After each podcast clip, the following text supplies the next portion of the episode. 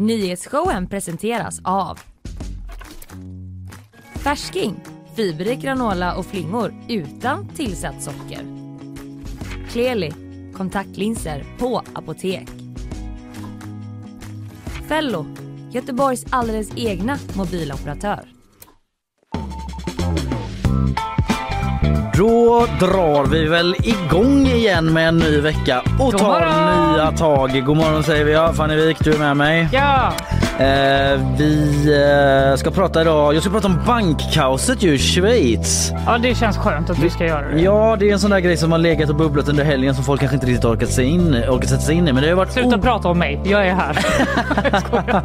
folk, a.k.a. du Ja, ja. Ja, men det har ju varit oerhört dramatiskt då eventuellt då i alla fall för nu så har ju en eh, större kris kanske avvärjts då. Jag ska gå igenom de här turerna Skönt. eh, där eh, ja, men liksom det har varit hårda förhandlingar. Staten har hotat med att förstatliga hela skiten då när det slutade med, inte hela skiten, men Schweiz största, näst största bank som till slut köptes upp av Schweiz största bank. Jag kommer säga. Schweiz många gånger.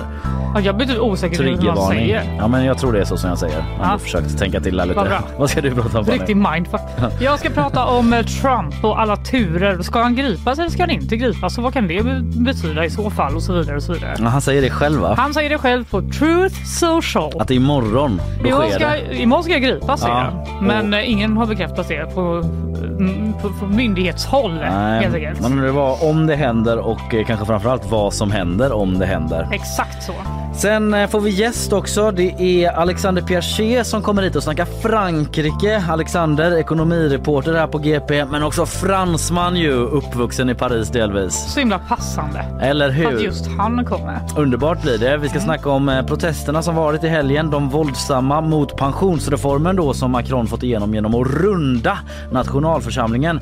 Hur blir det med sopbergen i Paris och strejkerna? Hur fick de till det där pristaket på mat som Ja. eh, alla i Sverige utom Vänsterpartiet säger är så himla dålig idé? Exakt, det vill man ju veta. Ja, det är några av grejerna vi ska snacka om med Alexander. Sen blir det bakvagn, surr och kurr inför cupfinalen. Häckens stjärna snackar skit om Mjällby och blir klappad på huvudet tillbaka. Nämen, Nya AI-lagar som ska rädda oss från AI. Fideikommiss, papegoja på vift i Kolltorp. Några så buzzwords från Ja. bakvagnen. det var bra. Ja, Jag, jag, jag sparar mina. du svarade. Jag kände jag kan inte bräcka det här. Nej, fideikommiss Ja, jag bara, låg så gott i mun. vad, vad pågår i Kalles hjärna? ett, tänker få, ett av de få eh, länderna i världen, Europa, som fortfarande jobbar med fideikommiss. Va? Jag kommer in lite på det sen. Eh, hur är läget annars då? Eh, Det är bra tycker Mm. jag. Det är riktig måndags mordorväder. Ja, Typ glad att sitta här inne. ja eller Det är hur? så varmt. Det är som solen här inne. Du är bra på att hitta det positiva du Fanny. Jag försöker verkligen. Men också ganska bra på att hitta det negativa. Tack! Bra på allt. Det var det jag valde att höra och ta med mig från den. Ja, det är kanske lite dagsform då, men eh, du rör dig däremellan liksom, de extremerna. Hur mår du själv? Jo, jag mår bra. Jag har liksom ägnat helgen åt att eh, försöka ha en eh, låg och dämpande energi runt eh, sockerstinna barn. Oj. mycket på barnkalas och försökt bara vara en sån våt filt över det roliga. Mm, Så det inte blir för roligt. var det bara, lugna ner er! Nej, Hoppa ner från bordet du! inte så utan mest bara ehm, om du bara tänker på lite våra öron här inne. Väldigt så den lugna, väldigt Går runt dämpande. med sådana hörselkåpor på barnkalaset. Låga affektiv. Verkligen hela tiden pissar på alla parader där på hela. Det har varit min helg. Mysigt.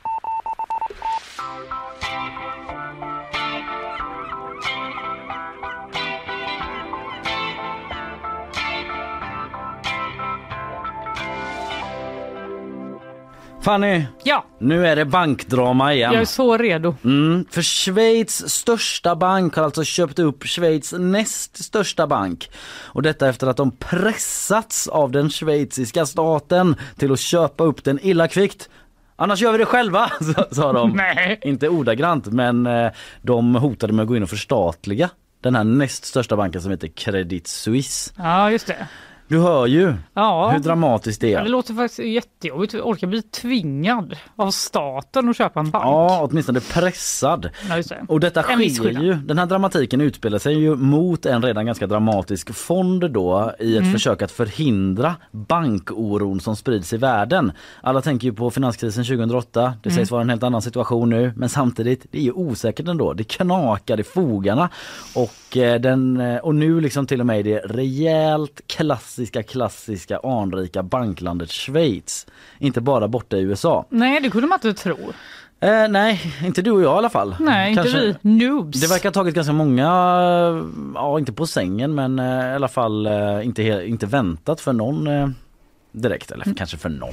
Men det verkar i alla fall ha kommit Du kan ju relativt inte uttala oväntat. dig för alla människor i Nej, jag hela kan inte det. Jag kände det världen. medan jag sa det. Jag var tvungen att backa från det. Men ändå ganska, ganska oväntat. Mm. Eh, vi lever i alla fall eh, numera i den stora bankorons eh, tid. Har du Ja, oavsett om du är liksom stat, bankdirektör eller svensson, man ville ha lite längre där. Ja, eh, då är du kanske lite orolig och även om man inte har Alltså fullsatt på banken så påverkar det ju alla i längden liksom om massa banker faller. Ja. De bär ju ekonomin på många sätt. Men i alla fall du vet ju att det är stor bankoro då och har varit det i USA. Eh, förra veckan snackade vi om Silicon Valley Bank som gick under och eh, staten då, den amerikanska, gick in och garanterade att alla kunder i den banken skulle få pengar tillbaka, sån här insättningsgaranti. Och eh, det har ju kostat en del. Det kan man tro va? Och eh, pengarna ska ju komma någonstans ifrån. Alecta, det svenska bolaget som förvaltar svenskarnas pensionspengar, Just det. hade ju pengar i den banken eh, och förlorade miljarder. Det påverkar ju självklart många här i Sverige. Och eh, det finns en oro alltså och nu har den här bankoron kommit till en europeisk bank också. Vi ska backa då till i tisdags när den anrika banken Credit Suisse som alltså är Schweiz näst största bank, upprepar jag, eh, gick ut och berättade lite om sin redovisning för år 2021 och 2022. Hej hej, här har ni lite mardrömssiffror från oss. Som- Då var det dags. att presentera vår mardröm. Den kan bli er. Så här ser den ut. Exakt så sa man inte, men de sa eh, att det fanns citat betydande svagheter slutcitat för de åren, alltså 2021-2022. Och det är ju bankspråk för hjälp! Alla bara, Va, vad sa ni? Betydande svagheter. Betydande svagheter. Ja men när de gick ut och sa det så rasade börskursen för banken 21% på en dag som mest och eh, man stoppade aktiehandeln och i bakgrunden låg ju hela tiden det här oron och kaoset i USA då också. Måtte det inte sprida sig hit nu? Lite olika banker och lite olika situationer, vi kommer till det men ändå. Eh, oro ger ju oro i finansvärlden. Jag blir orolig. Ja, och eh, grejen med de här Credit Suisse då är att de är ju en mycket, mycket större bank än Silicon Valley Bank och de här amerikanska bankerna som vi har pratat om. Eh, de är vad man kallar för globalt systemviktiga. Att om de skulle krascha under någon sorts oordnade former eh, då skulle det ge drastiska spridningseffekter på världsekonomin som jag läser i Dagens Nyheters analys då. Fy! Ja, de är väldigt stora och kraschar de i liksom fullt kaos. Då, vet man det. inte vad som ska hända liksom. Då kommer det påverka oss alla uppenbart. Precis, så det var ju redan där en väldigt eh, skarp laddad situation då. Hur ska vi göra? Det här måste vi lösa. Det kan inte bara falla fritt hur som helst då. Eh, det är också en mycket gammal bank, eh, Credit Suisse. Den har funnits i 167 år och som jag läste i DN, den står mycket för det här liksom som du kanske tänker på med schweiziska banker. Det är mycket sekretess, det är hemligt med pengarna, det är liksom fina lokaler, privatjetar, dyr konst, liksom det här klassiska sven, eh, sch- svenska, schweiziska eh, Ja. bank Ja, men det livet. känns eh, liksom tryggt. Det känns som de vet vad de håller på med. Man tänker ju det. Eller? De har hållit på så länge Ja. liksom. Men eh, tydligen inte då i det här fallet. Eh, och eh, den är liksom en så pass stor och globaliserad bank att den, den dominobrickan är för farlig för att tillåtas falla. Så beskrev SVTs ekonomikommentator Alexander Norén det hela. Men efter då att att eh, Credit Suisse gick ut och visade de här mardrömssiffrorna eller berättade att eh, det här ser inget bra ut. Då gick Saudi National Bank som är en annan bank från Saudiarabien som du hör på namnet Ja. som är liksom den största ägaren till Credit Suisse ut och sa bara så ni vet vi kommer inte gå in med några pengar för det här. Eh, De ville inte backa upp dem, då blev det jätte jätteoroligt igen och folk liksom började sälja av aktier och så vidare och fly banken i ännu högre takt. Då kände väl Schweiz regering att helvete nu måste vi agera. Nu Ja. måste vi hitta på någonting här. Och då presenterade de ett stödpaket på 650 miljarder kronor till Credit Suisse. Men ändå så fortsatte eh, investerare att fly banken. Så det stoppade inte oron. Då blev liksom nästa steg då att eh, Schweiz största bank, UBS, uppmanades att köpa deras största rival då, Credit Suisse. Så de två största bankerna i landet att den st- stora skulle förvärva den något mindre. Och då satte man sig i förhandlingar, hårda förhandlingar under tidspress nu i helgen. För man ville bli klara desperat innan, eller allra helst i alla fall, innan igår kväll. Just det. För att eh, igår kväll så öppnade de asiatiska börserna Ah. igen. Och då vill man liksom inte ha, ha den oron rådande när de öppnar för att liksom skapa ännu mer oro och drabba ännu fler banker där borta eller det. som har investeringar där borta och så vidare. Ja. Och mitt i den här förhandlingen då för att sätta lite press så säger schweiziska staten okej fuck it vi tar över hela banken då. Om ni inte kommer Nej överens. men gud! Nej men då säger de att eh, de hotade med att förstatliga Credit Suisse. Om de inte löser det här, den här förhandlingen och köper upp dem, då måste vi göra det. Vilket satte ännu mer press då på UBS att lösa det här och strax innan klockan sex igår eftermiddag så kom beskedet från UBS att de tr- tredubblat sitt bud och så köpt upp Credit Suisse för 34 miljarder kronor. Så de bara, okej vi har landat nu, nu köper vi den, vi äger det nu Det är så mycket pengar att man bara va? Ja precis och så ibland är man så här, är det det ens? Nej, exakt, För man, blir, där, man, först, man börjar tvivla på allt. de hade ändå tredubblat budet och den här Credit Suisse hade ju kunnat som Alexander Norén skriver varit värt noll kronor idag. Ja, om de inte det. hade kommit överens någonting, om den bara hade fortsatt chockdyka liksom. Så det är svårt eh, för dig och mig att värdera va? Hur mycket pengar det handlar Jag om. känner det. Men det är klart att det är mycket Det pengar. låter va? mycket. Ja. Mycket för mig i alla fall, Kalle. Självklart. Eh, så i alla fall, då liksom tillfälligt räddat. Bankens verksamhet kommer fortsätta helt som vanligt idag. Sen om några veckor så blir det liksom en underavdelning till de här UBS då. Slutet gott, allting gott. Kanske inte riktigt. Nej. Vi får väl se. Alexander Norén som jag återkommer till här igen då som är ekono... ekono vad säger man? Han analyserar ekonomi. Ekonomianalytiker. Ja, på SVT. Han är deras ekonomikille helt enkelt, Ja. alla fattar. Eh, han säger i sin analys då att vi låter nästa generation betala som vanligt. Att i och med nu då att Schweiz största bank har köpt upp den näst största och blivit ännu större men eh, att den blivit det genom att köpa upp en jättedarrig bank så har man skapat ett ännu större monster på något sätt. Och om den här UBS i framtiden skulle falla, det är det. liksom inget som pekar på det nu så, Nej.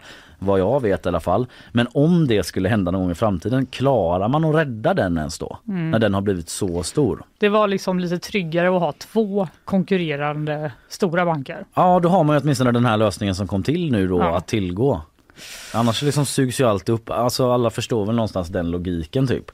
Eh, och ja, i USA samtidigt så tog man i princip bort taket för den här insättningsgarantin. Skriver Norén också. Alltså innan var det 250 000 dollar tror jag det var som man upp till det beloppet kunde man få pengar tillbaka. Nu var det så här, nej nej nej, alla får pengar tillbaka. Okej. Och jag menar så här, det är också ett sluttande plan då självklart. Eh, Alexander Norén skriver också att UBS liksom köper bankgrisen i säcken. Det kan ligga någonting otäckt där i. De kanske inte hunnit kolla igenom allting när det var så här kort tid. Man öppnade bara, wow, här ligger ju ännu fler skulder som överstiger våra tillgångar. Bankgrisen i säcken, det var ändå ny. Ja den var ny, den Ja, var fin. Jag gillar det. Det var Eh, tydligt. Ja men precis och då kanske inte 34 miljarder var ett fynd längre som det ändå kallats då. Ja. Eh, utan ett överpris. Men eh, det får man ju se. Det kanske liksom inte är några oroligheter i den där. Eh, det kanske inte är någon gris i banksäcken. Kanske bara en säck Det får vi med pengar se. I nuläget vet vi att krisen i Schweiz åtminstone verkar då tillfälligt avvärjd. Skönt. Vad känner du? Känner du att det är skönt? Ja men eh, typ skönare än att det inte blev så. Ja, Men eh, nej, jag tycker bara det är obehagligt. det är ju... Också för att det är så svårt. Men nu har ju kommit en bit på vägen med hjälp av dig då Kalle. Ja precis och eh, man kan ju läsa mer om det här på gp.se och sådär också. Vi följer ju eh, på vår eh, ekonomifliken där kan man få väldigt mycket bra information. Den rosa. Men det är väl samtidigt sådär att ja nu har det varit oroligt i Schweiz men nu verkar det som att det har lugnat ner sig. Eh, analytiker, jag läste några internationella också som pratade om att liksom nu är den här oro- oron tillfälligt åtminstone eller tills vidare avvärjd internationellt och sådär också. Mm. Men det är ju en knepig tid liksom. Vi vet inte riktigt vad som kommer att hända med ekonomin. Eh, och med den jätteosäkra liksom, utgången avslutar jag. Eh, läs vidare från sådana som är liksom lite mer skolade kan jag väl rekommendera. Men här fick ni i alla fall en sammanfattning Tack. av det oerhörda dramat som utspelade sig i helgen i Schweiz.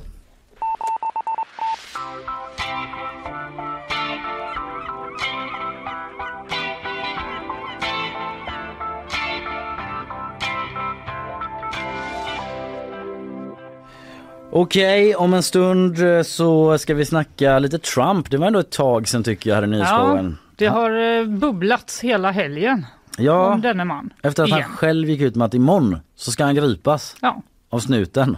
eller? Ja, vi får se eh, om det blir så men vi kommer i alla fall få reda på varför det skulle kunna bli så Så och vad konsekvenserna befaras kunna bli. Nu lyssnar vi på våra sponsorer. Nyhetsshowen presenteras av Färsking, fiberrik granola och flingor utan tillsatt socker.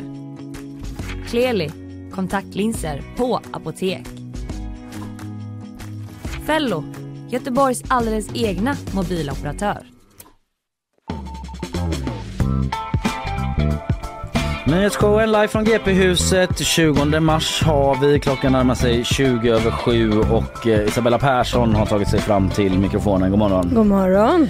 Du, eh, vi ska ta oss ett litet eh, nyhetssvep här. Eh, Du har eh, hunnit sätta dig in i morgonens... Eh, Morgonens nyhetsflöde. ja, precis, det är så man säger. Ja, så säger man. I och med att jag... Jag bara cancelar mig själv. Sluta DJa så mycket. Ja, det är så många regler här på en Ja, gång. det är det faktiskt. Precis, jag gör så. Jag stänger ner eh, mina, min mick nu och eh, låter din vara uppe Isabella. Så du kan ge oss nyhetssvepet. Så gör vi. En svensk kvinna i 25-årsåldern har omkommit efter att en lavin utlös i Italien. Händelsen inträffade vid lunchtid igår i skidorten Courmayeur och på söndagskvällen var också ytterligare en kvinna försvunnen. Hon ska enligt uppgifter dragits med minst 400 meter i snömassorna och sökinsatserna väntas återupptas nu under morgonen. UD bekräftar för GP att man informerats om det inträffade och att anhöriga är underrättade och enligt italienska medier ska också räddningsinsatsen försvårats av svårt väder. 48 000 människor uppges ha omkommit efter den omfattande jordbävningen i Turkiet för några veckor sedan. Men nu uppger landets nationella läkarförening att dödssiffran kan vara dubbelt så hög. Detta rapporterar Ekot där läkarföreningen hänvisar till att många av byggnaderna som kollapsat fortfarande inte har genomsökts. Samtidigt är det inte säkert att man kommer finna alla avlidna. Fortfarande saknas över 6 000 personer efter en jordbävning som inträffade vid Istanbul 1999. I fredags utfärdade utfärdade den internationella brottmålsdomstolen ICC i Haag en arresteringsorder mot Vladimir Putin som misstänks gjort sig skyldig till krigsbrott i Ukraina. Ett fältkontor håller just nu på att byggas upp i Kiev för att utreda just ryska krigsbrott och svenska utredare från polisen kommer nu skickas dit för att bidra. Idag ska också flera länder mötas på en konferens i London för att diskutera om man ska tillsätta mer resurser till ICC. Kreml har samtidigt avfärdat betydelsen av arresteringsorden och påpekat att man inte erkänner ICCs behörighet. Ja, Putin reste till Mariupol i helgen. Gjorde såg han? jag också. Mm. Någon sorts eh, propagandaresa där. Ja, den diskuteras ju. Vad han ville göra där. Ja precis, diskuteras för fullt. Det finns eh, klipp ute som man har sett i sociala medier där han Japp. kör själv en bil då Mm. och träffar lite folk. Ja, ja, det ska vi inte grotta ner oss i nu. Vi ska ta oss vidare till ett annat land, nämligen USA Amerikat. och Donald Trump där. Vi tackar dig så länge Isabella Tack så och går mycket. vidare.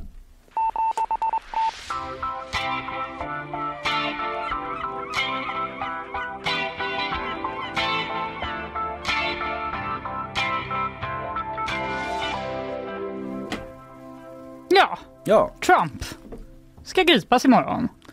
Eller enligt honom själv i alla fall. enligt honom Han själv. eh, har ja. skrivit det i ett inlägg på sitt eget sociala nätverk Truth Social. Truth Social, hänger du mycket där eller? Nej men alltså att jag kände lite att jag vill göra det.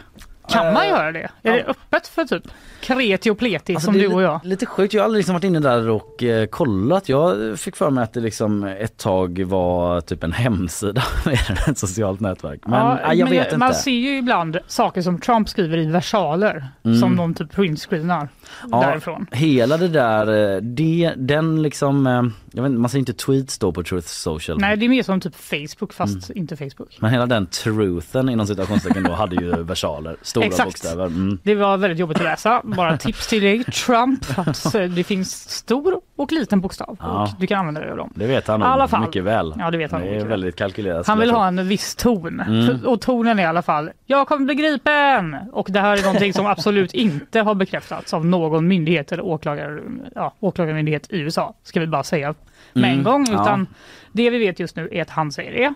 Men det vi vet också är att det faktiskt snurrade ordentligt om Trump förra veckan i amerikansk media Eh, och det andla- handlar om att det kan vara så att det kommer ett kommande åtal mot honom. Mm. Och eh, det handlar om de här misstankarna om att han då inför valkampanjen 2016 illegalt ska ha betalat porrstjärnan Stephanie Cliffords, mer känd som Stormy Daniels, Mm. 130 000 dollar Ja. för att hålla klaffen om en då påstådd tidigare relation som de. Mm. Det minns Ska man haft. från bak i tiden den storyn. Ja, så Ja. nu det, kan det vara åtal på gång där alltså. Ja, ett tecken på att då ett åtal ska kunna vara nära enligt New York Times är att det då ryktas om att både Trump och hans före detta advokat och rådgivare Michael Cohen ska kallas för att vittna inför en åtalsjury. Just det, och det är Cohen som misstänks ha gett de där pengarna vill jag Eh, minnas. Cohen är dömd Han är för dömd eh, till med. mened i den här utredningen eh, Aha. och det är för att det är han som har betalat henne då Ah, ja, ja. eh, pengar och efter att han dömdes för detta 2018 så vände han sig mot Trump. Mm, och var så här- Flipped. Det här, ja, han fick ta det helt Ja. enkelt. Han fick ta skiten. Ja. Eh, Trump förnekar allt det här. Han säger att han inte har haft en affär med henne överhuvudtaget. Eh, Men det här åtalet som det då skulle kunna vara på gång mot Mm. honom kan då handla om att han kommer bli åtalad för ett liknande brott som Cohen då, mened. Eller misstankar om att han har hjälpt till att förfalska dokument om de här utbetalningarna till Michael Cohen som han då gjorde till Stormy Daniels. Ja. Ryktas de, men det här är alltså inget som åklagarmyndigheten själva har sagt ännu. Nej. Men Trump får nu i alla fall stöd av olika inflytelserika republikaner i kongressen för att han är då förbannad över det här gripandet som han säger ska komma. Eh, Inte minst USAs republikanska talman Kevin McCarthy är jättearg Mm. på Twitter. Då var det dags Inte igen. på Truth Social då? Nej jag vet. det är som att han bara, jag, jag kommer stötta dig nu men inte så mycket. Nej. Jag stannar här på Twitter. Alltså någonstans drar jag gränsen vid användarvänlighet. ja. jag kan inte vara på Och typ- Truth Social. Folk ser ändå vad jag skriver här. Ja. på Twitter. Han skriver alltid dags igen. Skandalös maktmissbruk av en radikal distriktsåklagare som låter våldsbrottslingar gå fria medan han söker politiskt hämnd på Donald Trump. Han skriver talar om alltså den åklagaren som håller i den här Som utredningen. håller va? i Stormy Daniels eh, utredningen. It's a witch hunt. It's a witch hunt. ja, exakt, Ja. det säger Trump. hela Ja. Jag är oskyldig, det är en häxjakt, låt mig vara. Eh, och då är det också fler republikaner nu då som säger att det är en politisk anledning Ja, bakom just den här utredningen då. okej. Eh, bland annat så har de haft flera olika utredare och från början så handlar det då om de här misstänkta betalningarna, hur de gjordes och om, det var en brott mot vallagarna att muta henne. Nu verkar det mer då röra sig om hur han har bokfört utbetalningen via Michael Cohen, advokaten och rådgivaren, Mhm. som juridiska kostnader. Jaha, man har en ny vinkel, ingång Ja. på det. Ja, Och då är det lite som att de bara, ni håller bara på att liksom fiska runt där i den här utredningen och bara försöker hitta vad som helst som ni kan Ah, åtala honom för. Drop it already! Ja, exakt. Eh, och därför har han då fått stöd från sina partikamrater och också från sina följare då. För på Truth Social Mm. säger, säger Trump, det är dags. Vi kan inte bara låta det här pågå. De mördar vårt land medan vi lutar oss tillbaka och ser på. Vi måste rädda USA. Protestera, protestera, protestera. Det här kommer jag retrutha, tänker någon. De bara, fan vad sant. Ja. Och versaler var det också. Ja. överallt i detta.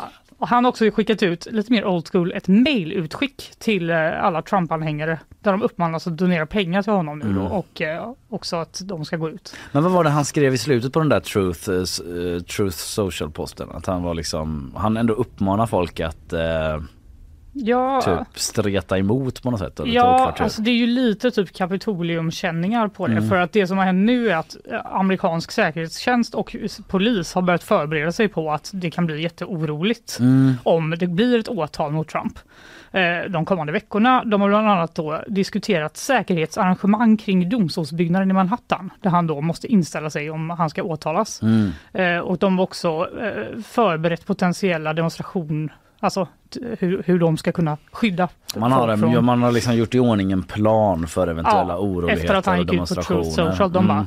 nej nu får vi samlas Ja, här. och, det inför liksom- tisdagen då antar jag är liksom ett scenario då. Om Det det, är nu stämmer scenario. det som han säger. Exakt, för Mm. då tror de att det kommer bli liksom den, det som tänder elden så att säga. Om han skulle bli gripen ja. Mm. om han skulle bli gripen och eller om han skulle behöva då komma in och eh, förhöras, vittna Mm. i den här åtalsjuryn.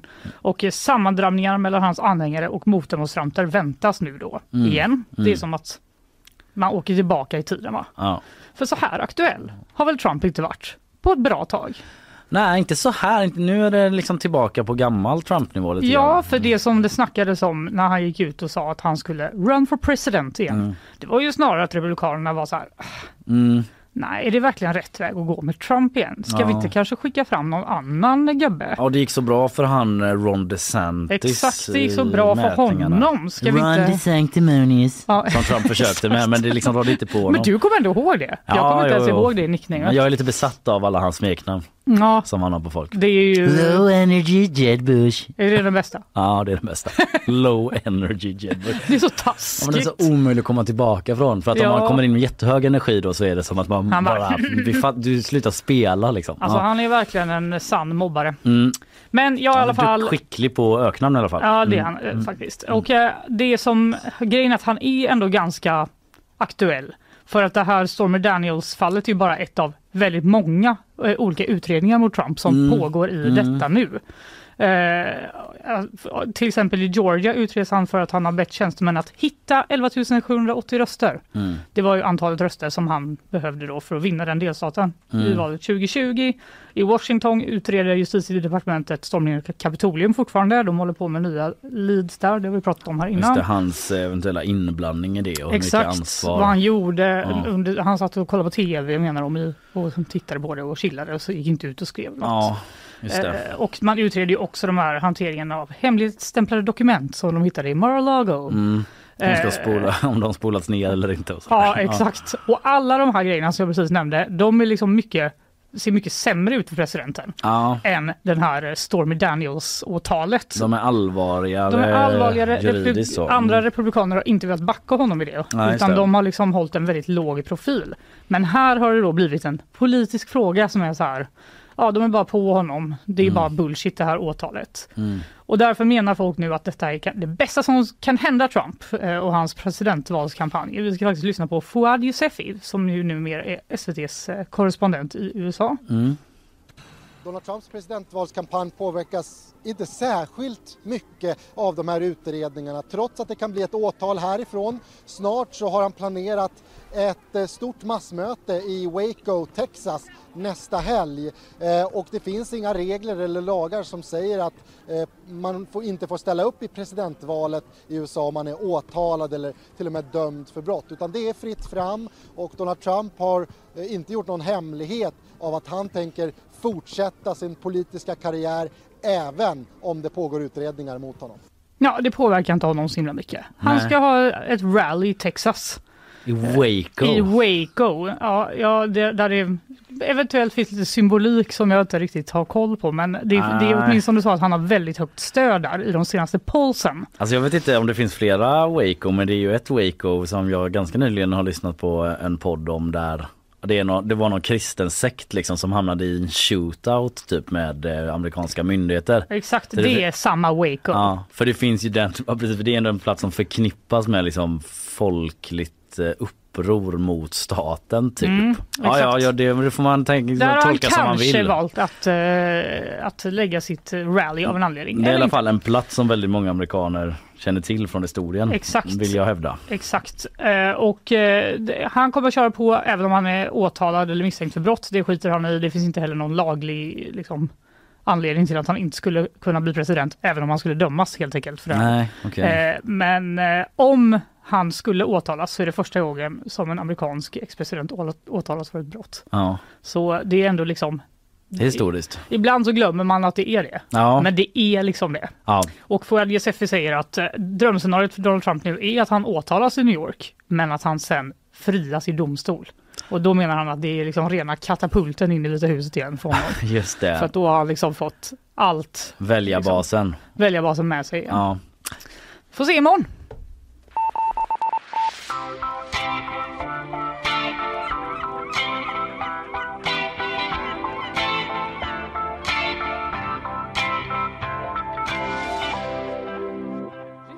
Alexander Piaget kommer om en liten stund. Han är ju ekonomireporter där på GP och Ja. fransman.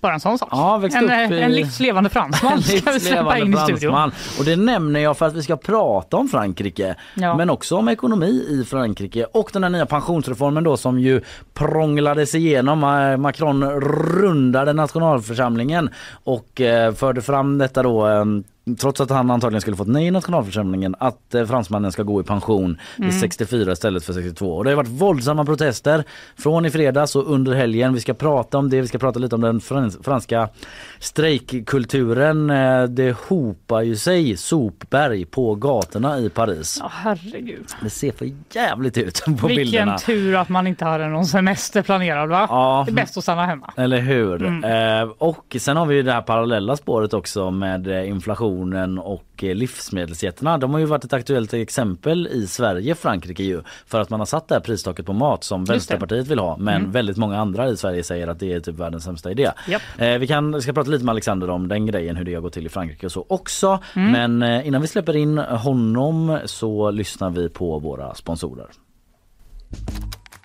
Nyhetsshowen presenteras av Färsking, fiberrik granola och flingor utan tillsatt socker.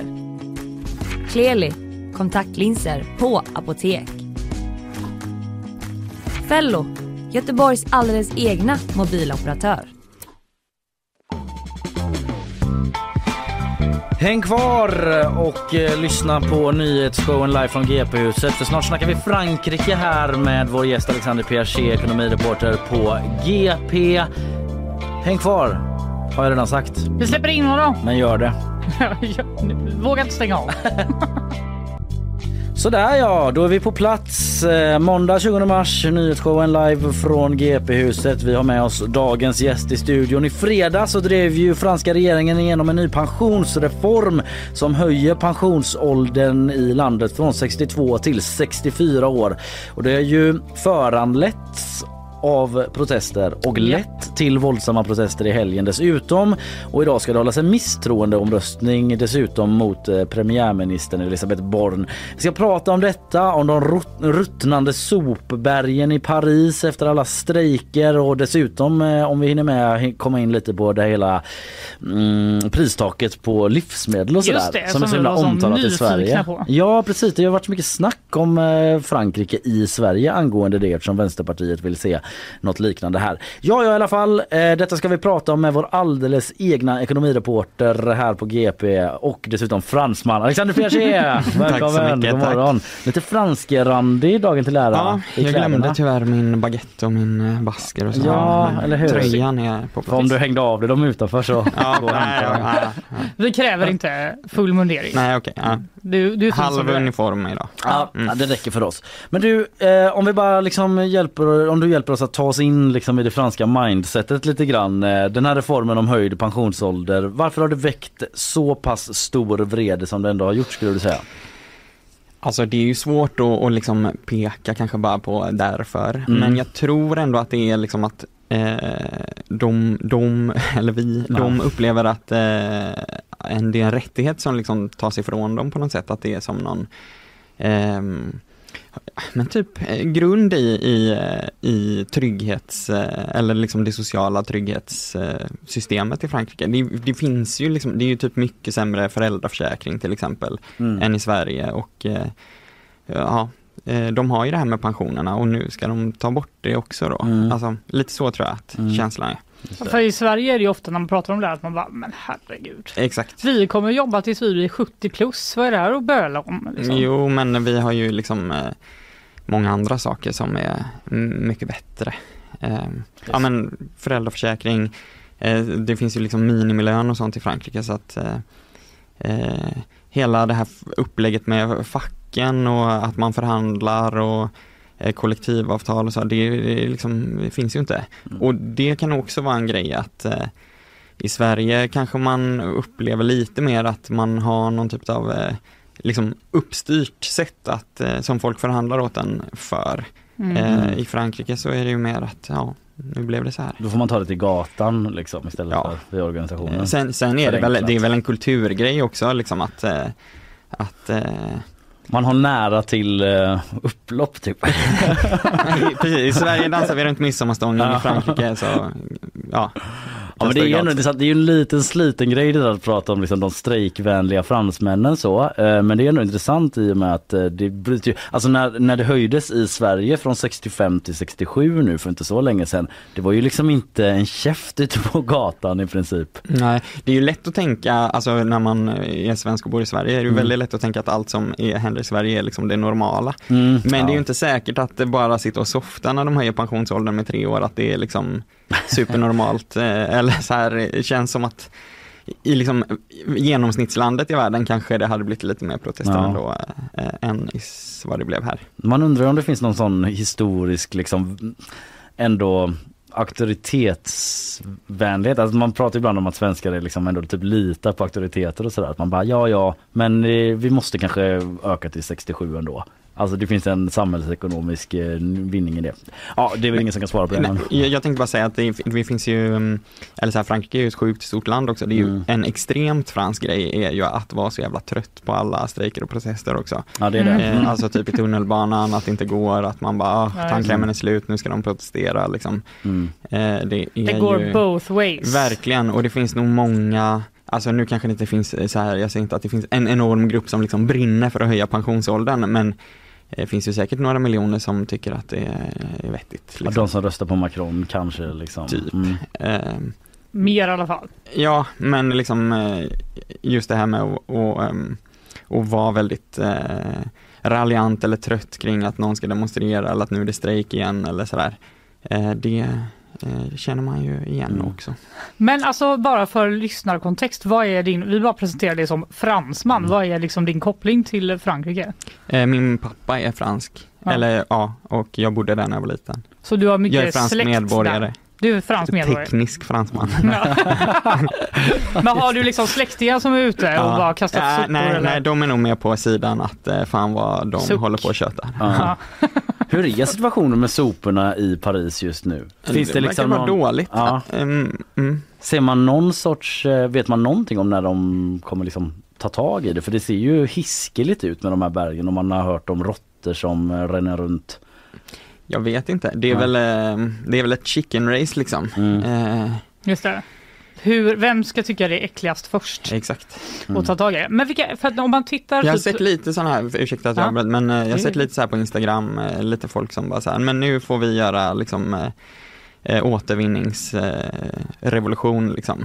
Eh, nu ska vi ut och återvinna typ. Men eh, Mhm. det känns som att de jobbar i uppförsbacke.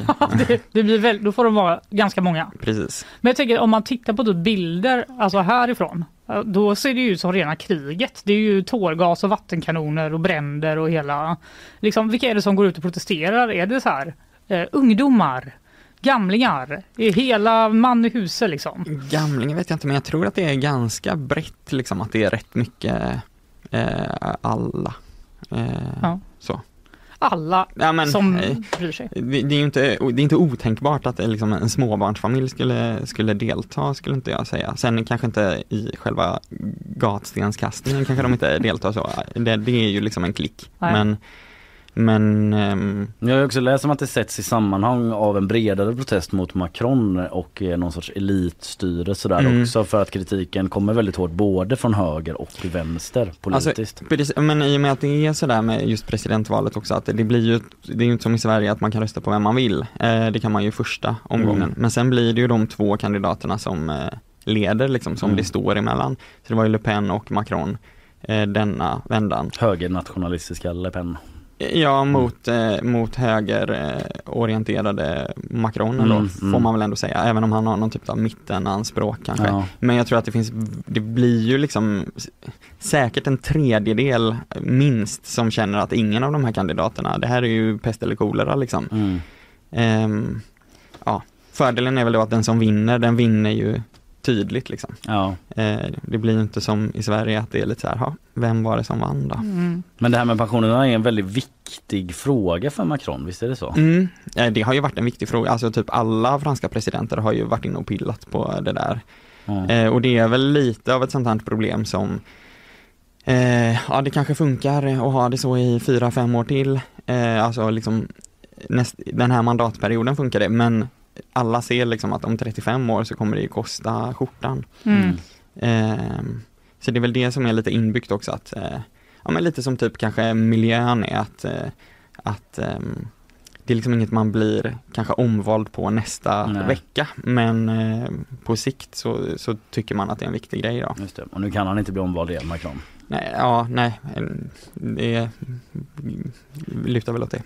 Men är det, var, för det är ju uppenbart eh, väldigt impopulärt hos ganska många. Mm. Varför, alltså anledningen till att han ändå har drivit igenom det är helt, helt enkelt att det måste bli så här i, på sikt. Alltså det blir väl fler, alltså folk blir äldre och äldre, det blir fler och fler som ska försörjas av färre och färre. Mm. Eh, det är väl ekvationen som liksom inte går ihop. Mm. Men det här beslutet då att tillämpa den här paragrafen som jag glömt eh, siffrorna på nu men eh, 24.1 eller något där, där de liksom körde över eh, nationalförsamlingen Mm. och eh, fick igenom det här beslutet ändå då. Eh, hur vanligt är det? Det kan jag inte svara på, men Nej. det är ju lite kontroversiellt och det skickar väl lite signalen av att eh, Alltså det du sa om elitstyre, liksom att Mm. säga jag, jag skiter i eh, vad ni tycker, nu blir det så här liksom. Mm, det är det. ju signalvärdet i det. Mm. Så det gör väl inte att folk blir, eh, går med på det eh, mer, eh, skulle jag inte tro. Triggande. Sen är väl en grej också att, eh, att det finns ju så otroligt många liksom parallella olika system och grejer man kan vara med i. Och, alltså det är ju ganska komplicerat eh, det franska pensionssystemet. Det har väl varit en grej han har velat också att lite streamlina det lite grann så att det inte ska vara så stor skillnad. Eh, det är ju skillnad på så här offentliganställda och privatanställda och alltså Mm. eh, sådär. Så att det finns ju också Det är väl också en ganska fransk grej att vara lite sur på de uppläggen, liksom att tåg, tåg vad heter det, lokförarna Mm. går i pension när de är tidigt. Nu kan Mm. jag inte den åldern men eh, ja, att folk håller på och gnäller om sådär att titta, titta de där borta vad bra de Mhm. har det liksom. Eh, och det blir ju kanske inte så bra. Det är ju inte, det blir ju inget shit liksom som håller ihop eh, Nej. eh, massorna så. Nej just det. Mm. Det finns olika, olikheter inom massan. Ja, så brukar det ju vara. Men idag ska det ju hållas en misstroendeomröstning mot premiärministern. Mm. Vad kan hända med det? Alltså jag kan inte bedöma eh, hur det kommer gå eller eh, alltså jag, jag är inte så här politisk expert men ehm, Är det en symbolisk sak också? man blir, det blir väl inte misstroende omröstning om, om alla är glada och nöjda. Nej precis. Ja, men jag har förstått att det är ganska osannolikt att eh, det skulle gå igenom i alla fall. Ja, och sen Macron sitter väl rätt, eh, alltså det känns väl inte som en fråga riktigt. Nej det är ju hon Born som Ja, jo, jo, ryker i men- så fall. ja, precis. Mm. Men eh, hur, du, din gamla hemstad täckte sopor. Du har inte eh, liksom en resa planerad nu till påsk? Nej, Möta våren. men jag, Paris. Eh, nej, det ska jag inte göra. Mäta soporna i Paris. Men du om man går över lite till det här, eh, liksom, det råder ju inflation i Frankrike Mm. precis som eh, i resten av eh, världen då. Eh, och sen ett tag tillbaka, några veckor då, så har man ju fryst priser på en rad matvaror då som ska gälla fram till juni i år. Eh, det låter ju ganska drastiskt men hur har man liksom lyckats få igenom det här? Alltså jag tänker väl att det inte är sådär superstor skillnad liksom rent principiellt på att man gör det eller att man eh, ger eh, folk som har eh, haft höga elkostnader pengar för att de har höga elkostnader. Eller, alltså, Nej. det bl- blir väl lite samma sen med mat, att det är just att det är ett pristak. Det skulle man kunna tänka sig att det skulle kunna leda till att det blir väldigt stor efterfrågan på de här liksom, bill, Mm. billiga varor då. Eller att eh, man typ skulle rusa då och köpa det innan juni. Ja, det. Eller sådana liksom, effekter så. Eh, men själva eh, principen med att, eh, i princip är det ju bara att ge pengar. Det är ju som att staten betalar det som är Mm. eh, det som blir över eller vad man ska säga. Ja men det är intressant att Ja. det är liksom mer eller mindre unisont förutom Vänsterpartiet sågat i eh, Mm. Sverige då. Men att man ändå Ja. får igenom det liksom i Ma- Macrons ändå väldigt marknadsliberala Frankrike. Ja, samtidigt som man ju då har gjort eh, lite liknande eh, grejer där man bara ger folk pengar. Ja, Eh, just det. eh, så. Men det är det är ju helt enkelt det- att staten täcker upp eh, det, liksom kostnaden emellan Ja, så blir det ju. för mat, som matjättarna Någon som brukar betalar ju. kalla dem. Ja, de Ja. går inte back på det. Nej, Utan- och vem betalar? Alltså, det är samma som, lite samma som elprisstödet och att det är ju befolkningen i slutändan som betalar det ändå, eller hur? För det är skattepengar. Exakt. Mm. Ja men för det eh, överrumplar jag dig med den frågan kanske, jag vet inte men liksom just det här att man har fått till det överhuvudtaget. Elisabeth Svantesson ska, har ju, finansministern har ju sagt att hon ska ha samtal med Axfood och Ica och de här liksom. Vet du hur man, hur man har, hur de, är det liksom matleverantörernas goda vilja i Frankrike att de säger vi vill också stoppa inflationen eller har de liksom fått något annat för det? Eh, nej, jag, jag kan inte svara på det Nej. så, men, men jag gissar väl att, eh, att det är någon som betalar. Mm. Eh, att det inte är så här att, nej, vi bjuder på det. Nej. Det är min största dröm just nu att vara fluga på väggen när Elisabeth Svantesson möter livsmedelsjättarna. Ja, Precis. liksom, jag fattar inte hur man lägger fram det. Eller så här, vad, hur ska det gå till? Ja, hon, hon, de borde väl kunna få samma tips som alla vi eh, vanliga människor får, att man ska prata med sin bank och Ja. de, de här. Det är det hon säger i mötet. Ja, Ja, exakt. Har ni tänkt på sånt? Samla, samla era lån Ica kanske smart. inte heller behöver amortera just nu. Nej, precis. Nej. Det är Mm. bara ett peptalk att de ska se över sin ekonomi. Det är egentligen bara det samtalet. Men det är ju det som är problemet med inflationen är att man tänker så här, herregud vad dyrt det är med smör, jag behöver mer pengar. Men Mm. om man börjar ge folk massa mer pengar, ja, eh, alltså hela poängen med att höja räntan och allt så här är ju att folk ska ha mindre pengar. Så, Mm. att, så att man då ska välja billigare varor och så ska det dämpa liksom efterfrågan. Så att det är ju liksom ingen lösning att, Mm. eh, att ge folk mer pengar. Sen kan det ju vara så att vissa grupper eh, eh, kanske har det väldigt tajt och då, jag menar, Och det har ju varit sådana förslag att man liksom ska underlätta för de grupperna som lever på marginalen. Ja. Mm. Precis, man vill ju inte att folk ska svälta liksom. Det är Nej. inte heller en bra lösning. Jag såg i någon eh, tidningsspalt att Erik Thedéen, eh, Riksbankens nya chef, kallades för Sveriges Marie Antoinette Mm. i en fransk koppling då. För att han var sådär, har de inte råd med mat? Gå och köp det som är lite billigare då. Ungefär. Det var ju lite raljant Ja. men ja. Men eh, framåt då i, i Frankrike. Nu så pågår det demonstrationer. Jag såg Mélenchon, vänsterledaren, var så här. Vi måste se till att det här dras tillbaka, pensionsförslaget. Vad, vad, vad tror, vad bedömer du kommer hända liksom, närmsta tiden? Fortsatt våldsamt? Alltså säga. ingen aning, man har ju svårt att se liksom att säga, nej men vi ger oss, vi går hem. jag menar det. Eh, det det känns väl inte riktigt soporna troligt men eh, man kan väl ändå tänka sig att det kommer liksom avta eh, det här akuta läget, Mm. eller så här eh, det känns ju inte som att det kommer ju inte fortsätta för alltid. Och så här, det har ju ändå varit, även om det inte har handlat om exakt det här eller varit sopor exakt, det har ju varit gula västarna. Alltså det är Mm. liksom inte första gången som det är lite uppskruvad stämning eller vad man ska kalla det. Det, det kommer ju gå över liksom. Ja. Eh, och, och så. Men det kan väl komma liksom, jag tänker mer att någon eh, kanske ställer upp med förslag om att ta bort det eller eh, eh, ja, Inför nästa val typ. Ja men typ, Mm, mm. ofta så liksom typ gula västarna, lite blir det väl ändå ibland att det rinner ut i sanden, att det inte blir så mycket liksom, nya partier som startas upp och Nej. att det Mm. liksom inte är, blir så stort genomslag som det är precis när det är liksom som mest brinnande men Ja. vi får la se. Ja, det får vi göra. Det blir Vi väl slutord. detta. Vi följer det. Skicka ner Alexander Alexander Piaget och st- ställer med en sophög där. Bevaka den. Se hur länge den är kvar. plats-byline. Ja. Bredvid en hög med blöjor och indisk mat som och Ett hårt jobb som någon måste göra. Och det blir du. Alexander Piaget, eh, ekonomireporter där på GP. Eh, tusen tack för att du kom hit och gästade oss. Tack själva.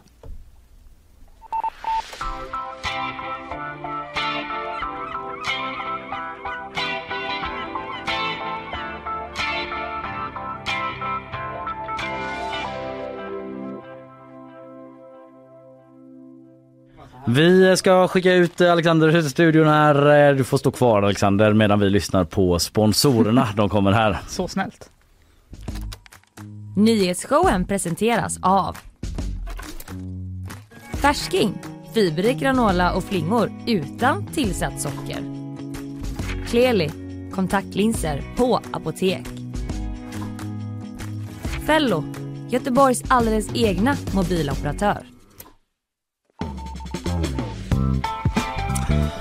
Ja, men vi lämnar väl Frankrike för nu va Fanny? Ja, vi gör det. Ja, vi lär väl återkomma i veckan kan jag tro på ett eller annat sätt. Det, händer ju mycket hela tiden. onekligen så. Ja, en eh, annan som återkommit eh, det är ju du Isabella Persson. Det är dags för eh, nyhetssvep eh, igen. Ja. Inget i Frankrike den, om Frankrike den här gången. Nej men jag pratar så mycket om det. Ja, så Ja. det kanske... Men eh, det är misstroendeomröstning idag. Precis, Mm, mm, det följer att vi på gp.se Det va? kommer ju vara en del av nyhetsrapporteringen idag såklart. Imorgon kanske vi får en uppdatering. Självklart, det lär vi få. Nu blir det andra grejer. Eh, Jag säger, jag säger varsågod. Tack. Ursäkta mig. En svensk kvinna i 25-årsåldern har omkommit efter att en lavin utlösts i Italien. Händelsen inträffade vid lunchtid igår i skidorten Courmayeur och på söndagskvällen var också ytterligare en kvinna försvunnen. Hon ska enligt uppgifter dragits med minst 400 meter i snömassorna och sökinsatserna väntas återupptas nu under morgonen. UD bekräftar för GP att man informerats om det inträffade och att anhöriga är underrättade. Och enligt italienska medier ska också räddningsinsatsen försvårats av svårt väder. I fredags utfärdade den internationella brottmålsdomstolen ICC i Haag en arresteringsorder mot Vladimir Putin som misstänks gjort sig skyldig till krigsbrott i Ukraina. Ett fältkontor håller just nu på att byggas upp i Kiev för att utreda just ryska krigsbrott och svenska utredare från polisen kommer skickas dit för att bidra. Idag ska också flera länder mötas på en konferens i London för att diskutera om man ska tillsätta mer resurser till ICC. Och Kreml då, de har samtidigt avfärdat betydelsen av arresteringsordern och påpekat att man inte erkänner ICCs behörighet. Arenafrågan i Göteborg har diskuterats i många år och senaste budet är nu att man ska riva Scandinavium och bygga en ny arena på samma tomt. Men förslaget ifrågasätts av Göteborg och Company. Framförallt handlar det om hur länge man faktiskt kommer stå utan arena. Planen som tagits fram av tjänstemän på kommunen räknar med en tidshorisont på en två till tre år men Peter Grönberg, VD på Göteborg och Company menar att det finns en risk för alla typer av byggen att dra ut på tiden. Och det kan få stora konsekvenser för Göteborg som evenemangsstad. Utan Skandinavium skulle exempelvis ungefär 100 evenemang försvinna varje år. Frågan om arenabygget ska återigen upp för diskussion, diskussion i kommunstyrelsen nu på onsdag. Nu är jag klar. Nu är det klart. Ja, sorry, det var jag som tryckte fel knapp där. Eh, tidigare, okej nu på onsdag alltså.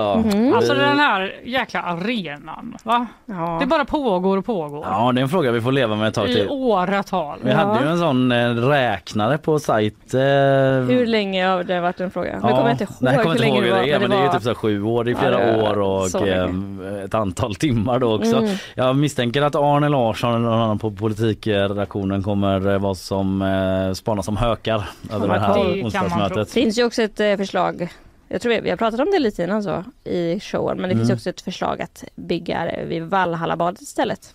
Få en ny arena där. Just det. Men utredarna tyckte det här ju, det har vi pratat om att de det skulle bästa. riva gamla och bygga Ja. nytt då. Till Frölundas stora förfäran. Ja. Ja, det är spännande det där. Det är fan en jävla grej i den här Ja, stan det man alltså. Vad som ska hända med det och det Få på saker länge. engagerar Ja. så mycket som det här just nu. det känns... Det, nej jag ska inte säga någonting känner jag. jag. Tänkte du ta ställning för ett förslag här plötsligt? Bara tappa konceptet helt. Börja kampanja mot mig plötsligt. Nej det håller vi oss ifrån. Vi har Eh, inga åsikter, vi nej. bara rapporterar Det nyheterna. var väl inte det Det du vet ni tänkte väl? heller Jag kanske. tänkte inte säga några åsikter. jag förstår. Men eh, vi går vidare, vi ska in i bakvagnen. Eh, det blir både det ena och det andra. Tack så länge Isabella. Tack så mycket.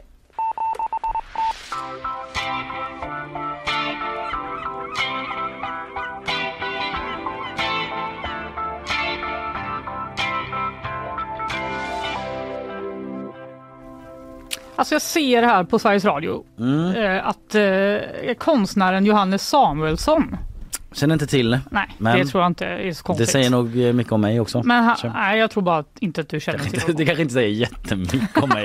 Jag menar bara att jag inte har jättebra koll på eh, konstscenen i Göteborg. Nej, det han gör, jag tror inte att han bor i Göteborg kan jag avslöja, utan det han ska göra är att han ska göra 400 mackor under 2023 som han dokumenterar på sin Instagram. Is this art? Alltså det här är typ min största fördom mot konst. Nu kommer Carl Jansson, eh, vår producent, som är konst... Den eh, konstskolade. konstskola eh, blir sur på mig. Men bara att de, det är bara någon som vill göra något helt vanligt. Och så säger de att det är ett konst. Mackor till exempel. Jag ska göra en macka och lägga upp på Instagram. It's art. Ja, Han har något att säga om det antar jag. Ja, det han säger är så här att det är en hyllning till hans tidigare hemstad Göteborg som firar 400 år då. Mm, Det vet vi ju, det har vi pratat om. är ju stort eh, pompa och ståt i sommar då. Eh, det kommer det vara, Mm. bland annat den här festivalen som vi har pratat om på Frihamnspiren. Som, Som eventuellt manövrerade ut Summerburst i stan. Det vet det. vi inte men, Men en spekulation kanske. har varit. Mm. Ja, eh, det här är i alla fall en kommentar till de eh, här stora planerna som aldrig blev av som vi har haft i och med det här jubileet säger han. Till exempel linbanan som ju Just vi minns som det var mycket snack om i mm, x år Mhm. innan de kom på att det ska vi inte göra. Nej, det blir för konstigt. Nej, det är för konstigt. och då så frågar ju såklart Johannes frågan här då i SR. Ja. Var, var, how come? Var, varför ska jag göra 400 mackor? Och då säger han så här. Och jag ty- har alltid tyckt att det var intressant vad, vad de här medborgardialogerna egentligen fyller för funktion. Och så läste jag häromdagen att ja, men det har blivit ett eh, jubileumsbröd och en, och en bakelse. Och, men vad fan, om de gör, det är väl, då kan väl jag göra 400 mackor. Det är väl nästan mer insats. Och jag gillar ju Göteborg så att, jag tänker att kanske Göteborg blir glad också. Så. Ja. Bland det minst rena jag någonsin har hört. Va? Någon annan ska göra ett bröd. Men ska han bjuda på mackorna? eller? Nej, han ska lägga upp dem på Ja, Instagram. jag ska lägga upp dem på Instagram. Ja. Av en anledning och så står det så här i slutet av artikeln. När den 400 mackan är beredd har Johannes Samuelsson lovat sin fru att lägga ner. Ja. Hon bara 400 dagar av vad? Ja, precis, jag gillar inte ens mackor. Jag är ju mer av en gröttjej. Ja, jag- exakt. Ja, Det enda jag kan säga som eh, jag verkligen är för är ju mackor.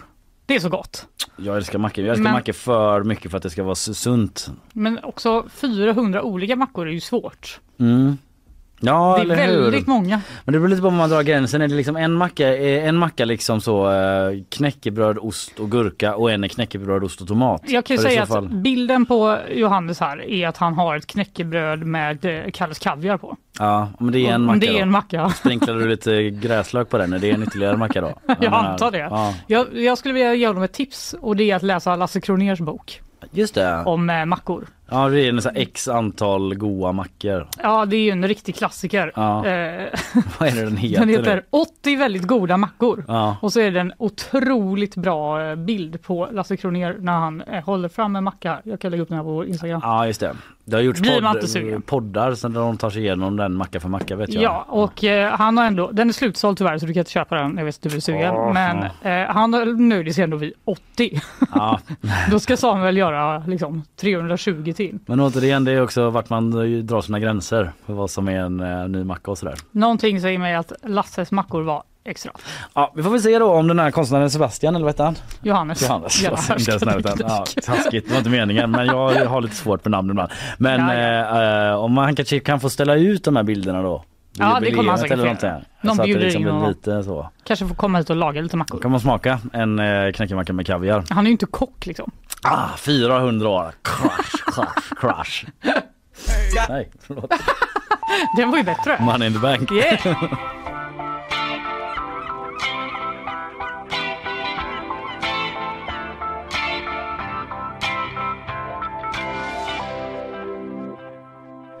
Du, fan igår så eh, var det ju Svenska kuppen i fotboll för eh, både herrar och damer har ju varit i helgen men eh, det jag tänkte prata om är Häckens eh, herrlag då. De slog ut Djurgården som är ju en... eh, Säger du det? Säger du det? Ja, jag säger det. det. Bara lite kontext. Djurgården Ja, ja. är jättefavorit i allsvenskan eller så här bland de topp tre att vinna och sådär. Men Häcken körde över dem, vann med 3-0.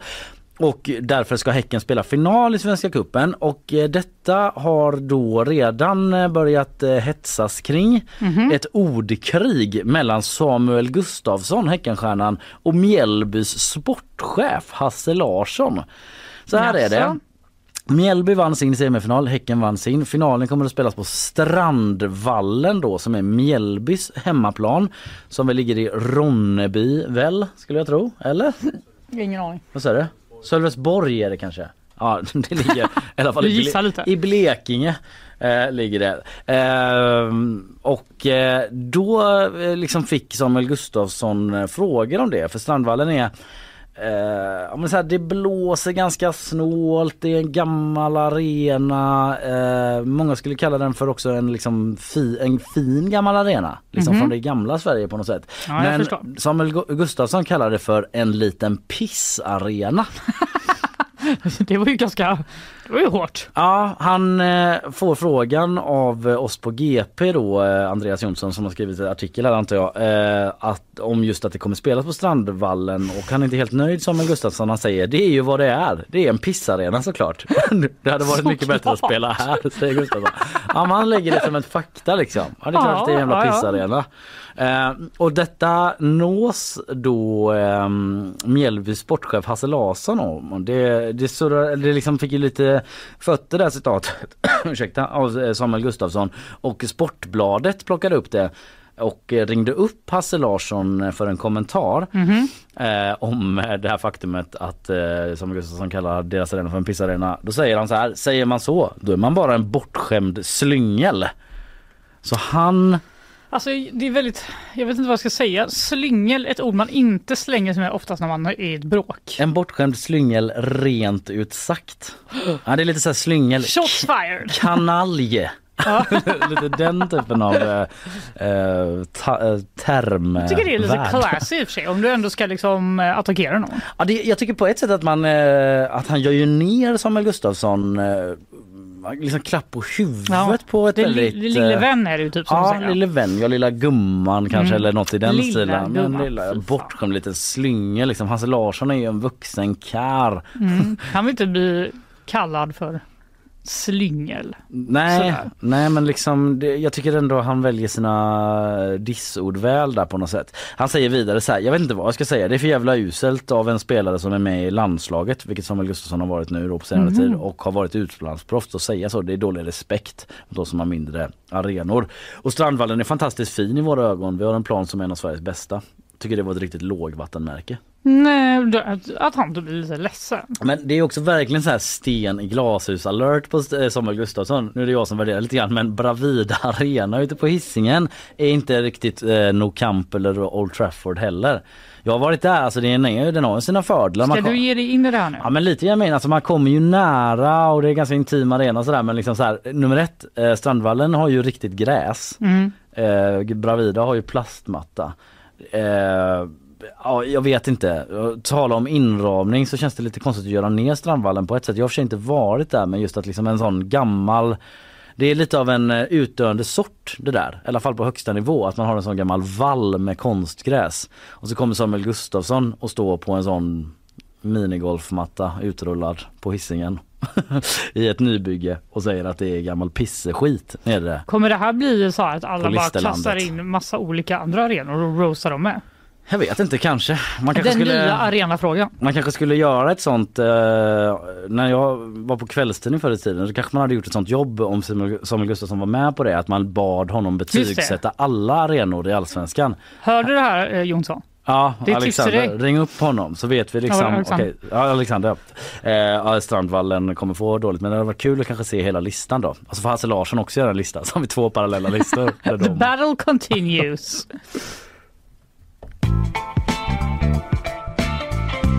Det finns en öppning nu och då ska vi klara av det som Gudfadern en gång i tiden sa i sina filmer. I'll give you an offer you can't resist. Det är det vi jobbar emot. Vet du vad, man har grävt, grävt upp en unik bastion vid Nordstan. En bastion vid Nordstan. Ja. Alltså okej, berätta mer. Jo men det är såklart för att göra plats för Västlänken då. Självklart. Så har en befästning från 1600-talet grävts upp, typ längst ner mot Operan. Som man har hittat nu alltså. Eh, ja, bland fynden fanns inte bara bevis på göteborgarnas dåliga vanor, läser jag på GP, Okej. utan Nej, också det något mer jag. spektakulärt. Det var inte det enda som. De bara, fan de levde som eh, svin förut. Precis, här är en obetald räkning och en sån örontops som använts tre gånger. Eller hur? Det står så här, ett år av hackande och skrapande har de tydligen hållit på med då. Ett år av hackande och Ja, skrapande. nu har det sista spadtaget Sämst säljare på boktoppen. typ att det lät lite skönt tycker jag. Bara stå där och bara Ett år av magiskt lite. tänkande typ. Ja, Ja. exakt. Det sista spadtaget vid Gustavus Primus har nu tagits. Okej, Det verkar jag ser frågande ut för alla som bara lyssnar. Det, det är det som står. Mm. Eh, och då säger eh, arkeologen Andreas Skredsvik så här. Vi visste inte eh, om det skulle vara något kvar överhuvudtaget, men det är häftigt att det var så pass mycket kvar. Mm. Ganska mycket sten har dock försvunnit över ett par hundra års tid. Det kan man ju förstå. Det här Gustavus Primus då var under flera hundra år en av eh, stadens första eh, stadens försvar. Men Mm. när Göteborgs hamn byggdes om på 1800-talet så förstördes stora delar av den här bastionen. Eh, och att en järnväg 50 år senare drogs rätt över befästningen förstörde den ännu mer. Så jävla lack of De bara, respect. Skit i det där! Här ska vi bygga båtar. Här ska vi fram på Vi olika ska sätt. till Trollhättan. Drar räls. Ja. Rätt över. Det känns bara så här. Kunde de inte bara flyttat den liksom 100 Ja, men meter? då förlorar man eh, två minuter och det kan vara liksom allt i infrastrukturplanering. Ja exakt. Men nu har de i alla fall grävt lite här och hittat mer än vad de trodde att de skulle hitta. Mm. Men vad var det mest spekulära ni hittade? Eh, undrar eh, reportern här. Mm. Alva Edback. Eh, vi var väldigt glada över hörnet på den västra sidan. För nu kommer vi kunna dra ut linjer över hur stor den här bastionen har varit. Ja men Mm. Ja, det tycker jag är mest kul, Mm. säger eh, Andreas här. Eh, ett annat fynd då bekräftade göteborgarnas dåliga eh, vanor och det var att de hittade fruktansvärt mycket kritpipor.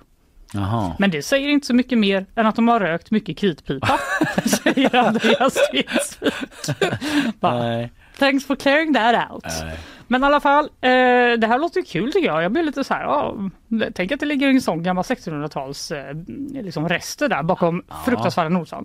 Tyvärr är det då så att den som är intresserad av att få en glimt får nöja sig med att titta på bilder som finns på gv.se. För bastionen har redan tagits bort och förstörts. men fan, vad de behandlar den illa. jag vet. Men du, tänk om vi spolar fram liksom eh, 500 eller 10 000 år, vad vet jag, år i tiden när Nordstan ligger under marken. Där Ja. kan man ju snacka om att man kommer att hitta liksom Göteborgsredarnas dåliga vanor. De bara, Ja, fan vad de måste ha levt för. önskar att man hittar en kritpipa. Det ligger liksom gamla kanyler och Det är det mest hälsosamma de hittar där. otroligt dålig mat. McDonald's. Exakt. Ja. Ja, ja, men eh, kul och lite tråkigt på samma gång helt enkelt. Eh, och att man, eh, att man skulle bryta mot lagen, det är ju ett allvarligt brott i sig.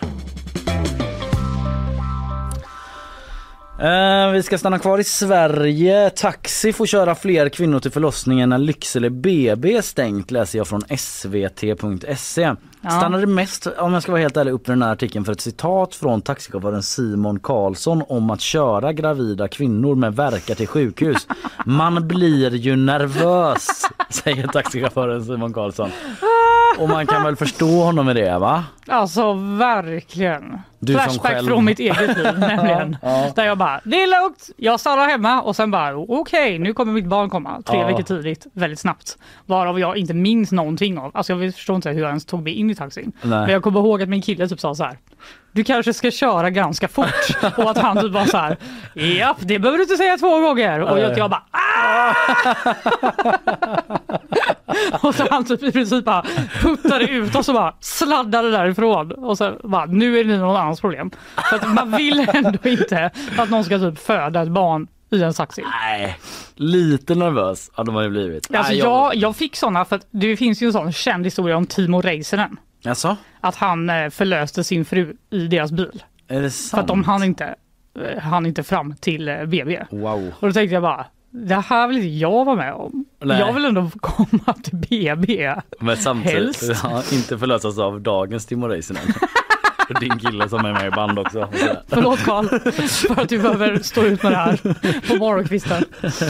Exakt. Nej. Men få också, det är ju ingen som kommer så här dricksa dem. För det kommer man ju inte liksom Nej, det hinner ha man top inte. of mind. man- Jag ska bara ha 15 procent, är det rimligt? Eller är det mer i USA? Det är så. Fan, Ta väldigt en klok på 20. det. Ja, ni får väl ändå skäligt betalt, eller hur är det? Ja. Ja, vi hade, vår ena barn var ju också lite sådär att det är ju, det, det var i Stockholm då liksom att en del taxichaufförer, det är väldigt såhär, det var, det här var i alla fall en väldigt ung kille liksom som inte nog hade den erfarenheten. Och det var typ, alltså det var klart det var bråttom men det var inte så bråttom. Men där var det tvärtom att jag fick säga till honom en gång för att han körde mot rött. Och då kände jag att så här bara okej, Va? det är inte så bråttom för att det var så Vadå här. sa du typ bara, jag förstår att du försöker, för att han tänkte typ Jag att om sa- han det var- stannad Ja. så skulle han ändå kunna säga bara, vi ska till BB! Ja men kanske, han hade väl bara alla goda intentioner av att så här, nu måste det gå undan liksom. För att han var väl inte van vid att någon sitter, alltså han fattar ju vad som pågår där bak och han hör ju min tjej som liksom gör alla de här lätena och stönar och allt vad man gör liksom. Eh, men att jag kände ändå att, eh, ja jag vet inte, jag tror att köra mot rött i det läget riskerar ju någonting ännu värre nästan. Ja. Ja, jag Ja, vet inte. Det Några gemensamma stökigt. bekanta till oss berättade Ja. i alla fall att när de skulle ta taxi till BB att typ taxichauffören var så helt, eh, bara brydde sig inte ett skit. Så att han blev så här, vi ska alltså till BB? Bara, ja, ja. Ja, han var cool, lugn Ja, han, liksom. bara, han var helt så här, Ja. som att de skulle åka liksom, till centralen och ta tåget. och att det blev liksom dålig stämning därför. Ja. Bara, förstår du inte liksom? Nej. Vi ska till BB va? Det är olika stilar liksom. Ja, Åter till nyheten då, men Lycksele BB, det var ju där jag började. Ja, det är ju stängt nu och då hänvisas kvinnor till i inlandet i Norrland, alltså till förlossning i Umeå och Skellefteå. Och då kan det handla om att man måste resa 40 mil enkel väg dit då. Och då får man välja mellan att ta egen bil eh, med eh, låg ersättning för den resan då eller att ta taxi. Och eh, ja, då förstår ju alla att på 40 mil kan det hända ganska mycket liksom. Ja, det är klart. Ja, och detta är ju något som oroar väldigt många. Det har fötts ungefär 300 barn på Lycksele BB varje år och nu är det stängt där då sen i jul. Och det finns inget datum satt för när avdelningen kan öppna igen läser jag från svt.se. Eh, och då har de pratat med kvinnosjukvården i Region Västerbotten, chefen där som heter Olof Granqvist. Det har SVT snackat med. Han säger det är inte bra att kvinnorna ska behöva åka taxi men vi har inget annat alternativ. Jag kan inte uppmana kvinnor att åka till Lycksele när det nu är stängt. Nej, det förstår man ju. Dessutom är ambulansresurserna mycket ansträngda i inlandet. Mm. Man känner ju igen Vilken diskussionen om liksom eh, förlossningskrisen eh, Verkligen. i norra delen av landet men det blir ändå smärtsamt tydligt när man verkligen stannar upp och läser om det. Ja. Vilket man kanske inte gör när man är liksom lite mer lokalcentrerad. Nej, Men, men eh, tänk att ha det, den faktorn att bolla med när Ja. man ska föda sitt barn. Och som taxichaufför då. Då ska Mm. vi se, hur öppen var du sa du? Jag ska bara slå på mätaren här. Okej, vi åker väl och så får vi se. Nej, men jag tycker det är bekymmersamt att folk litar på våra prognoser. Du snart öppnar Göteborgs utserveringar för säsongen. Ja, ja, ja. Ett ja. vårtecken. Är det alltid samma datum eller är det någon sån här meteorologisk Ja, vårkör det. som har olika Nej, konstiga? men det som hände var väl att eh, man ändrade det va? under pandemin. Nu vet inte jag om man har tillbaka. Men, nu eh, satte jag dig med en sån fråga men... eh, nej, men man tog ju bort det. Man fick ha utserveringar jämt för att de var så här, det är bra om folk sitter ute. Ja just det med pandemin och så. Mm, Mm. Men det ska ju vara ett specifikt datum Mm. som jag inte minns nu. Eh, Men i alla fall, det finns ett klassiskt inslag i stadsbilden som drabbats och inte längre kommer få finnas. Mhm. Den välkända bänken utanför Gärd, tidigare Doppio på Linnégatan. Minns? Eh, vänta nu. Har du... På Linnégatan, är det den gamla där McDonalds låg? Och, nej. Nej, utan det är liksom precis mellan McDonalds tredje... låg, det var verkligen typ 15 år sedan. Ja, men det, jag vet exakt vad du menar, Ja. det är vid Prinsgatan. Ja. Men det här är längre liksom, mot Järntorget, mellan tredje och fjärde lång. Ja, okej. Borde det vara. Mm. Där har det alltid funnits ett café, förut hette det Doppio, nu heter det Gerd. Och de har haft en liten, liten bänk Mm. utanför sitt café där folk har suttit eh, och eh, ätit eh, bullar och Mm. druckit kaffe. Lapat sol när I- tillfälle bjöds. 17 år Mhm. läser jag i vår artikel. Har bänken stått där alltså? Har bänken stått där. Med, där har folk suttit med liten eller stor hund, med runda små barn i mössa och overall, gissar Mm. de som har skrivit den här. Bänken har tjänat ryggar, den har tjänat lår och nu får den inte längre vara kvar. Det är Jonathan Bengtsson. Det är Jonathan Bengtsson. eh, och då säger eh, Kalle som äger Gerd, på ett sätt har den här bänken varit hela kaféets, kaféets identitet. Nej, Pelle säger ibland var det som sa det, tillsammans med sin bror Kalle Mm. äger han Gerd. Eh, och de, de tycker den är jättecharmig Mm. och speciell. Eh, Den ser lite speciell ut typ eller? nej, Nej. okej. den ser ut som en bänk. Ja. Egentligen. Och anledningen till att de inte får vara kvar, den inte får vara kvar då efter 17 år, det är att kommunen har eh, infört nya regler för hur ute- uteserveringen ska vara utformad i staden. Eh, och det här får olika konsekvenser mot olika krögare och eh, restaurangägare då. Eh, Det är framkomligheten som ska bli lättare till exempel för personer med rullstol. Mhm, och det måste ja. finnas då vid sv- visst svängrum och eh, sådär. Eh, en och en halv meter ska det vara vid, vid trottoaren då för svängrum. Nu ska jag visa dig den här bänken. Det finns liksom ingen riktig plats va? Nej, nu känner jag igen det när jag ser den. Just det att det inte Mm. är tillräckligt med bredd på eh, gångdelen av trottoaren. Exakt. Mm, jag förstår. Där folk då passerar. Mm. Eh, och då menar ju de som har Gerd att eh, kan man inte ställa rullstolen bredvid som vi har gjort tidigare. Men det blev nej på det. Det blev nej på det. Nej, det går inte. Ja, men det är svårt att komma med sådana enskilda förslag vet man ju när det är kommunala regler som ska tillämpas. Ja, men om vi bara exakt. gör en liten om vi på sidan så bara nej det går inte. Då ska alla hålla på. Ja, så är det säkert. Och det är också så att en viss typ av människa kanske jobbar med sådana saker. Som Mm. inte är den som bara, men det löser sig. Ta det lugnt. För hur skulle det se ut? Utan det är snarare då att en person som heter Sverker Andersson här, som Ja. jobbar med detta. Han eh, säger till GP att Gerds tillgänglighetsproblem är, uppenbara. Det är jättesvårt att få upp en rullstol på den läktaren helt enkelt. Läktaren som bänken alltså. Ja, du kan inte få upp en rullstol på den. Och alla uteserveringar i stan måste vara tillgängliga för alla människor. Mm, men det är lite svårt för att uh, okej, ja. Ja, jag har lite svårt att greppa det på ett sätt då för att eh, det är väl lite Ja, men andra bänkar får man väl inte heller upp en rullstol på? Eller, eller liksom, med, räknar man det mer som en terrass då liksom? Eller? Ja, han, han kallar ju det för läktare. Läktare, okej det är det där det är också den varför. begreppsdefinitionen då som är lite olika kanske. Ja, Som är en del i det hela. Jag, jag tror också att det här bara handlar om att ja, det, ska, det, ska inte, det kan inte bara vara så här på en, det som kallas för en uteservering Nej. som ska ha det tillståndet helt enkelt. Jag förstår. Ja, men eh, jag vet inte. Det, En byråkratisk soppa där den här bänken är offret. Ja, och Café Gerd har arbetat fram ett nytt förslag för sin uteservering då. Ja. Det har också godkänts av kommunen men de har fått reda på att det kommer kosta dem 42 500 kronor. För eh, Gerd? Att genomföra det förslaget som de har kommit fram till. Aha. Och det var för dyrt för dem. Så Ja. de har tackat nej och nu vet de inte vad de ska göra. Okej, bye bye bänken kanske då. Ja. Det finns, framförallt i Stockholm, det som jag beskriver som ett klägg. Ett klägg av människor som går runt och kindpussar varandra. Jag nämnde ju fideikommiss i början Ja, av just programmet. Eh, Det minns det, jag. det är ju någonting som är liksom ständigt omdebatterat men kanske inte på första debattplats i Sverige hela tiden. Men det har liksom, är någonting som ehm, Vad är det? Berätta vad det Jo är. men fideikommiss det handlar om att, eh, att det finns en sån speciell typ successionsordning för sånt som är adligt, alltså gods och sånt. Mm. Alltså särskilda arvsregler Mm. som eh, är ovanligt i resten av världen men i Sverige, eh, Sverige så finns fortfarande fideikommiss och det kan till exempel betyda då att, ja, men att de har egna regler som annars inte är brukbara för när man typ saker går i arv i Sverige annars. Till exempel då så skriver SVT om godset Bo i södra Närke där, eh, som bara ärvs av män. Ursäkta? Ja att det är liksom äldste sonen i familjen som eh, Inte ens kungatronen Nej. eh, ärvs så längre. Precis, men de har haft så i snart 300 år genom en speciell successionsordning skriver SVT, alltså ett så kallat fideikommiss. Mhm. Eh, och eh, ja det, det är en så jättefin gammal byggnad från eh, ja, 1700-talet tror jag. I alla fall, eh, eller så är det ännu äldre att det var då det bestämdes att 1737 bestämdes det att slottet med ägor inte får säljas i sin helhet utan för all framtid ska gå eh, i arv från far till äldsta son. Mhm. Det är 15 000 hektar, eh, svårgreppbart men jättestor eh, mark. Och eh, detta har de alltjämt då trots att man eh, 63 i riksdagen kom en lag om att man skulle ta bort det här fideikommiss. Mm. Eh, och eh, den innebar då att liksom alla fideikommisser, eller fideikommiss säger man nog bara, som eh, finns kvar ska upphöra när innehavaren avlider. Så när nuvarande ägare trillar av pinn så, eh, så ska den här fideikommissreglerna sättas ur spel då. Okej.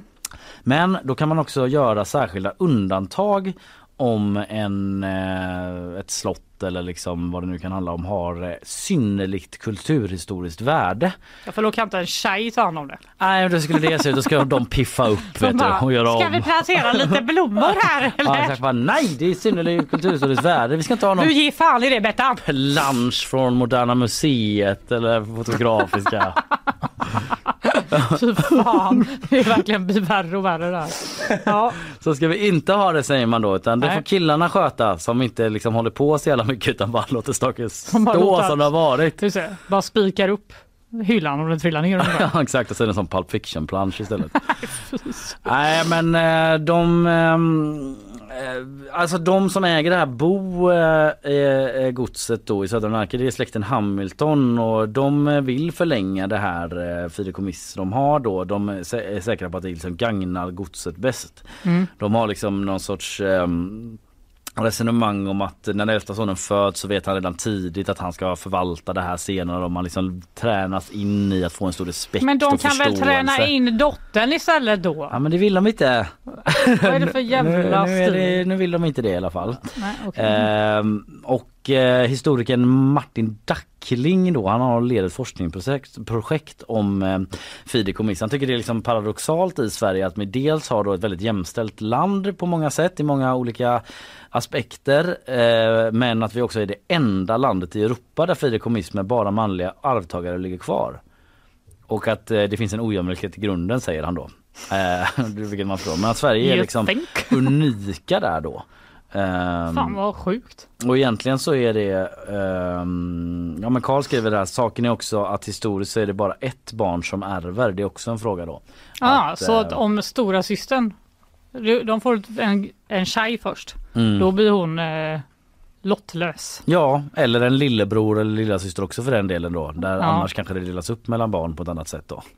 Stämningen det ska vara i den familjen. va? Ja, precis. Det här är del av något eh, SVT-program, Arvet och den acceptabla orättvisan som går nu så det är därför det har blivit en grej liksom. Eh, Det är inte så att eh, de är särskilt omdebatterade de här Hamilton just nu men jag ty- tyckte bara det var li- lite intressant. Verkligen. Att, eh, det var lite berätta- god information Ja, till men jag hajade till på att vi liksom är ensamma i Europa på att eh, ha kvar den sortens fideikommiss. Mm. Så jag kommer följa med stort intresse den framtida fideikommissdebatten.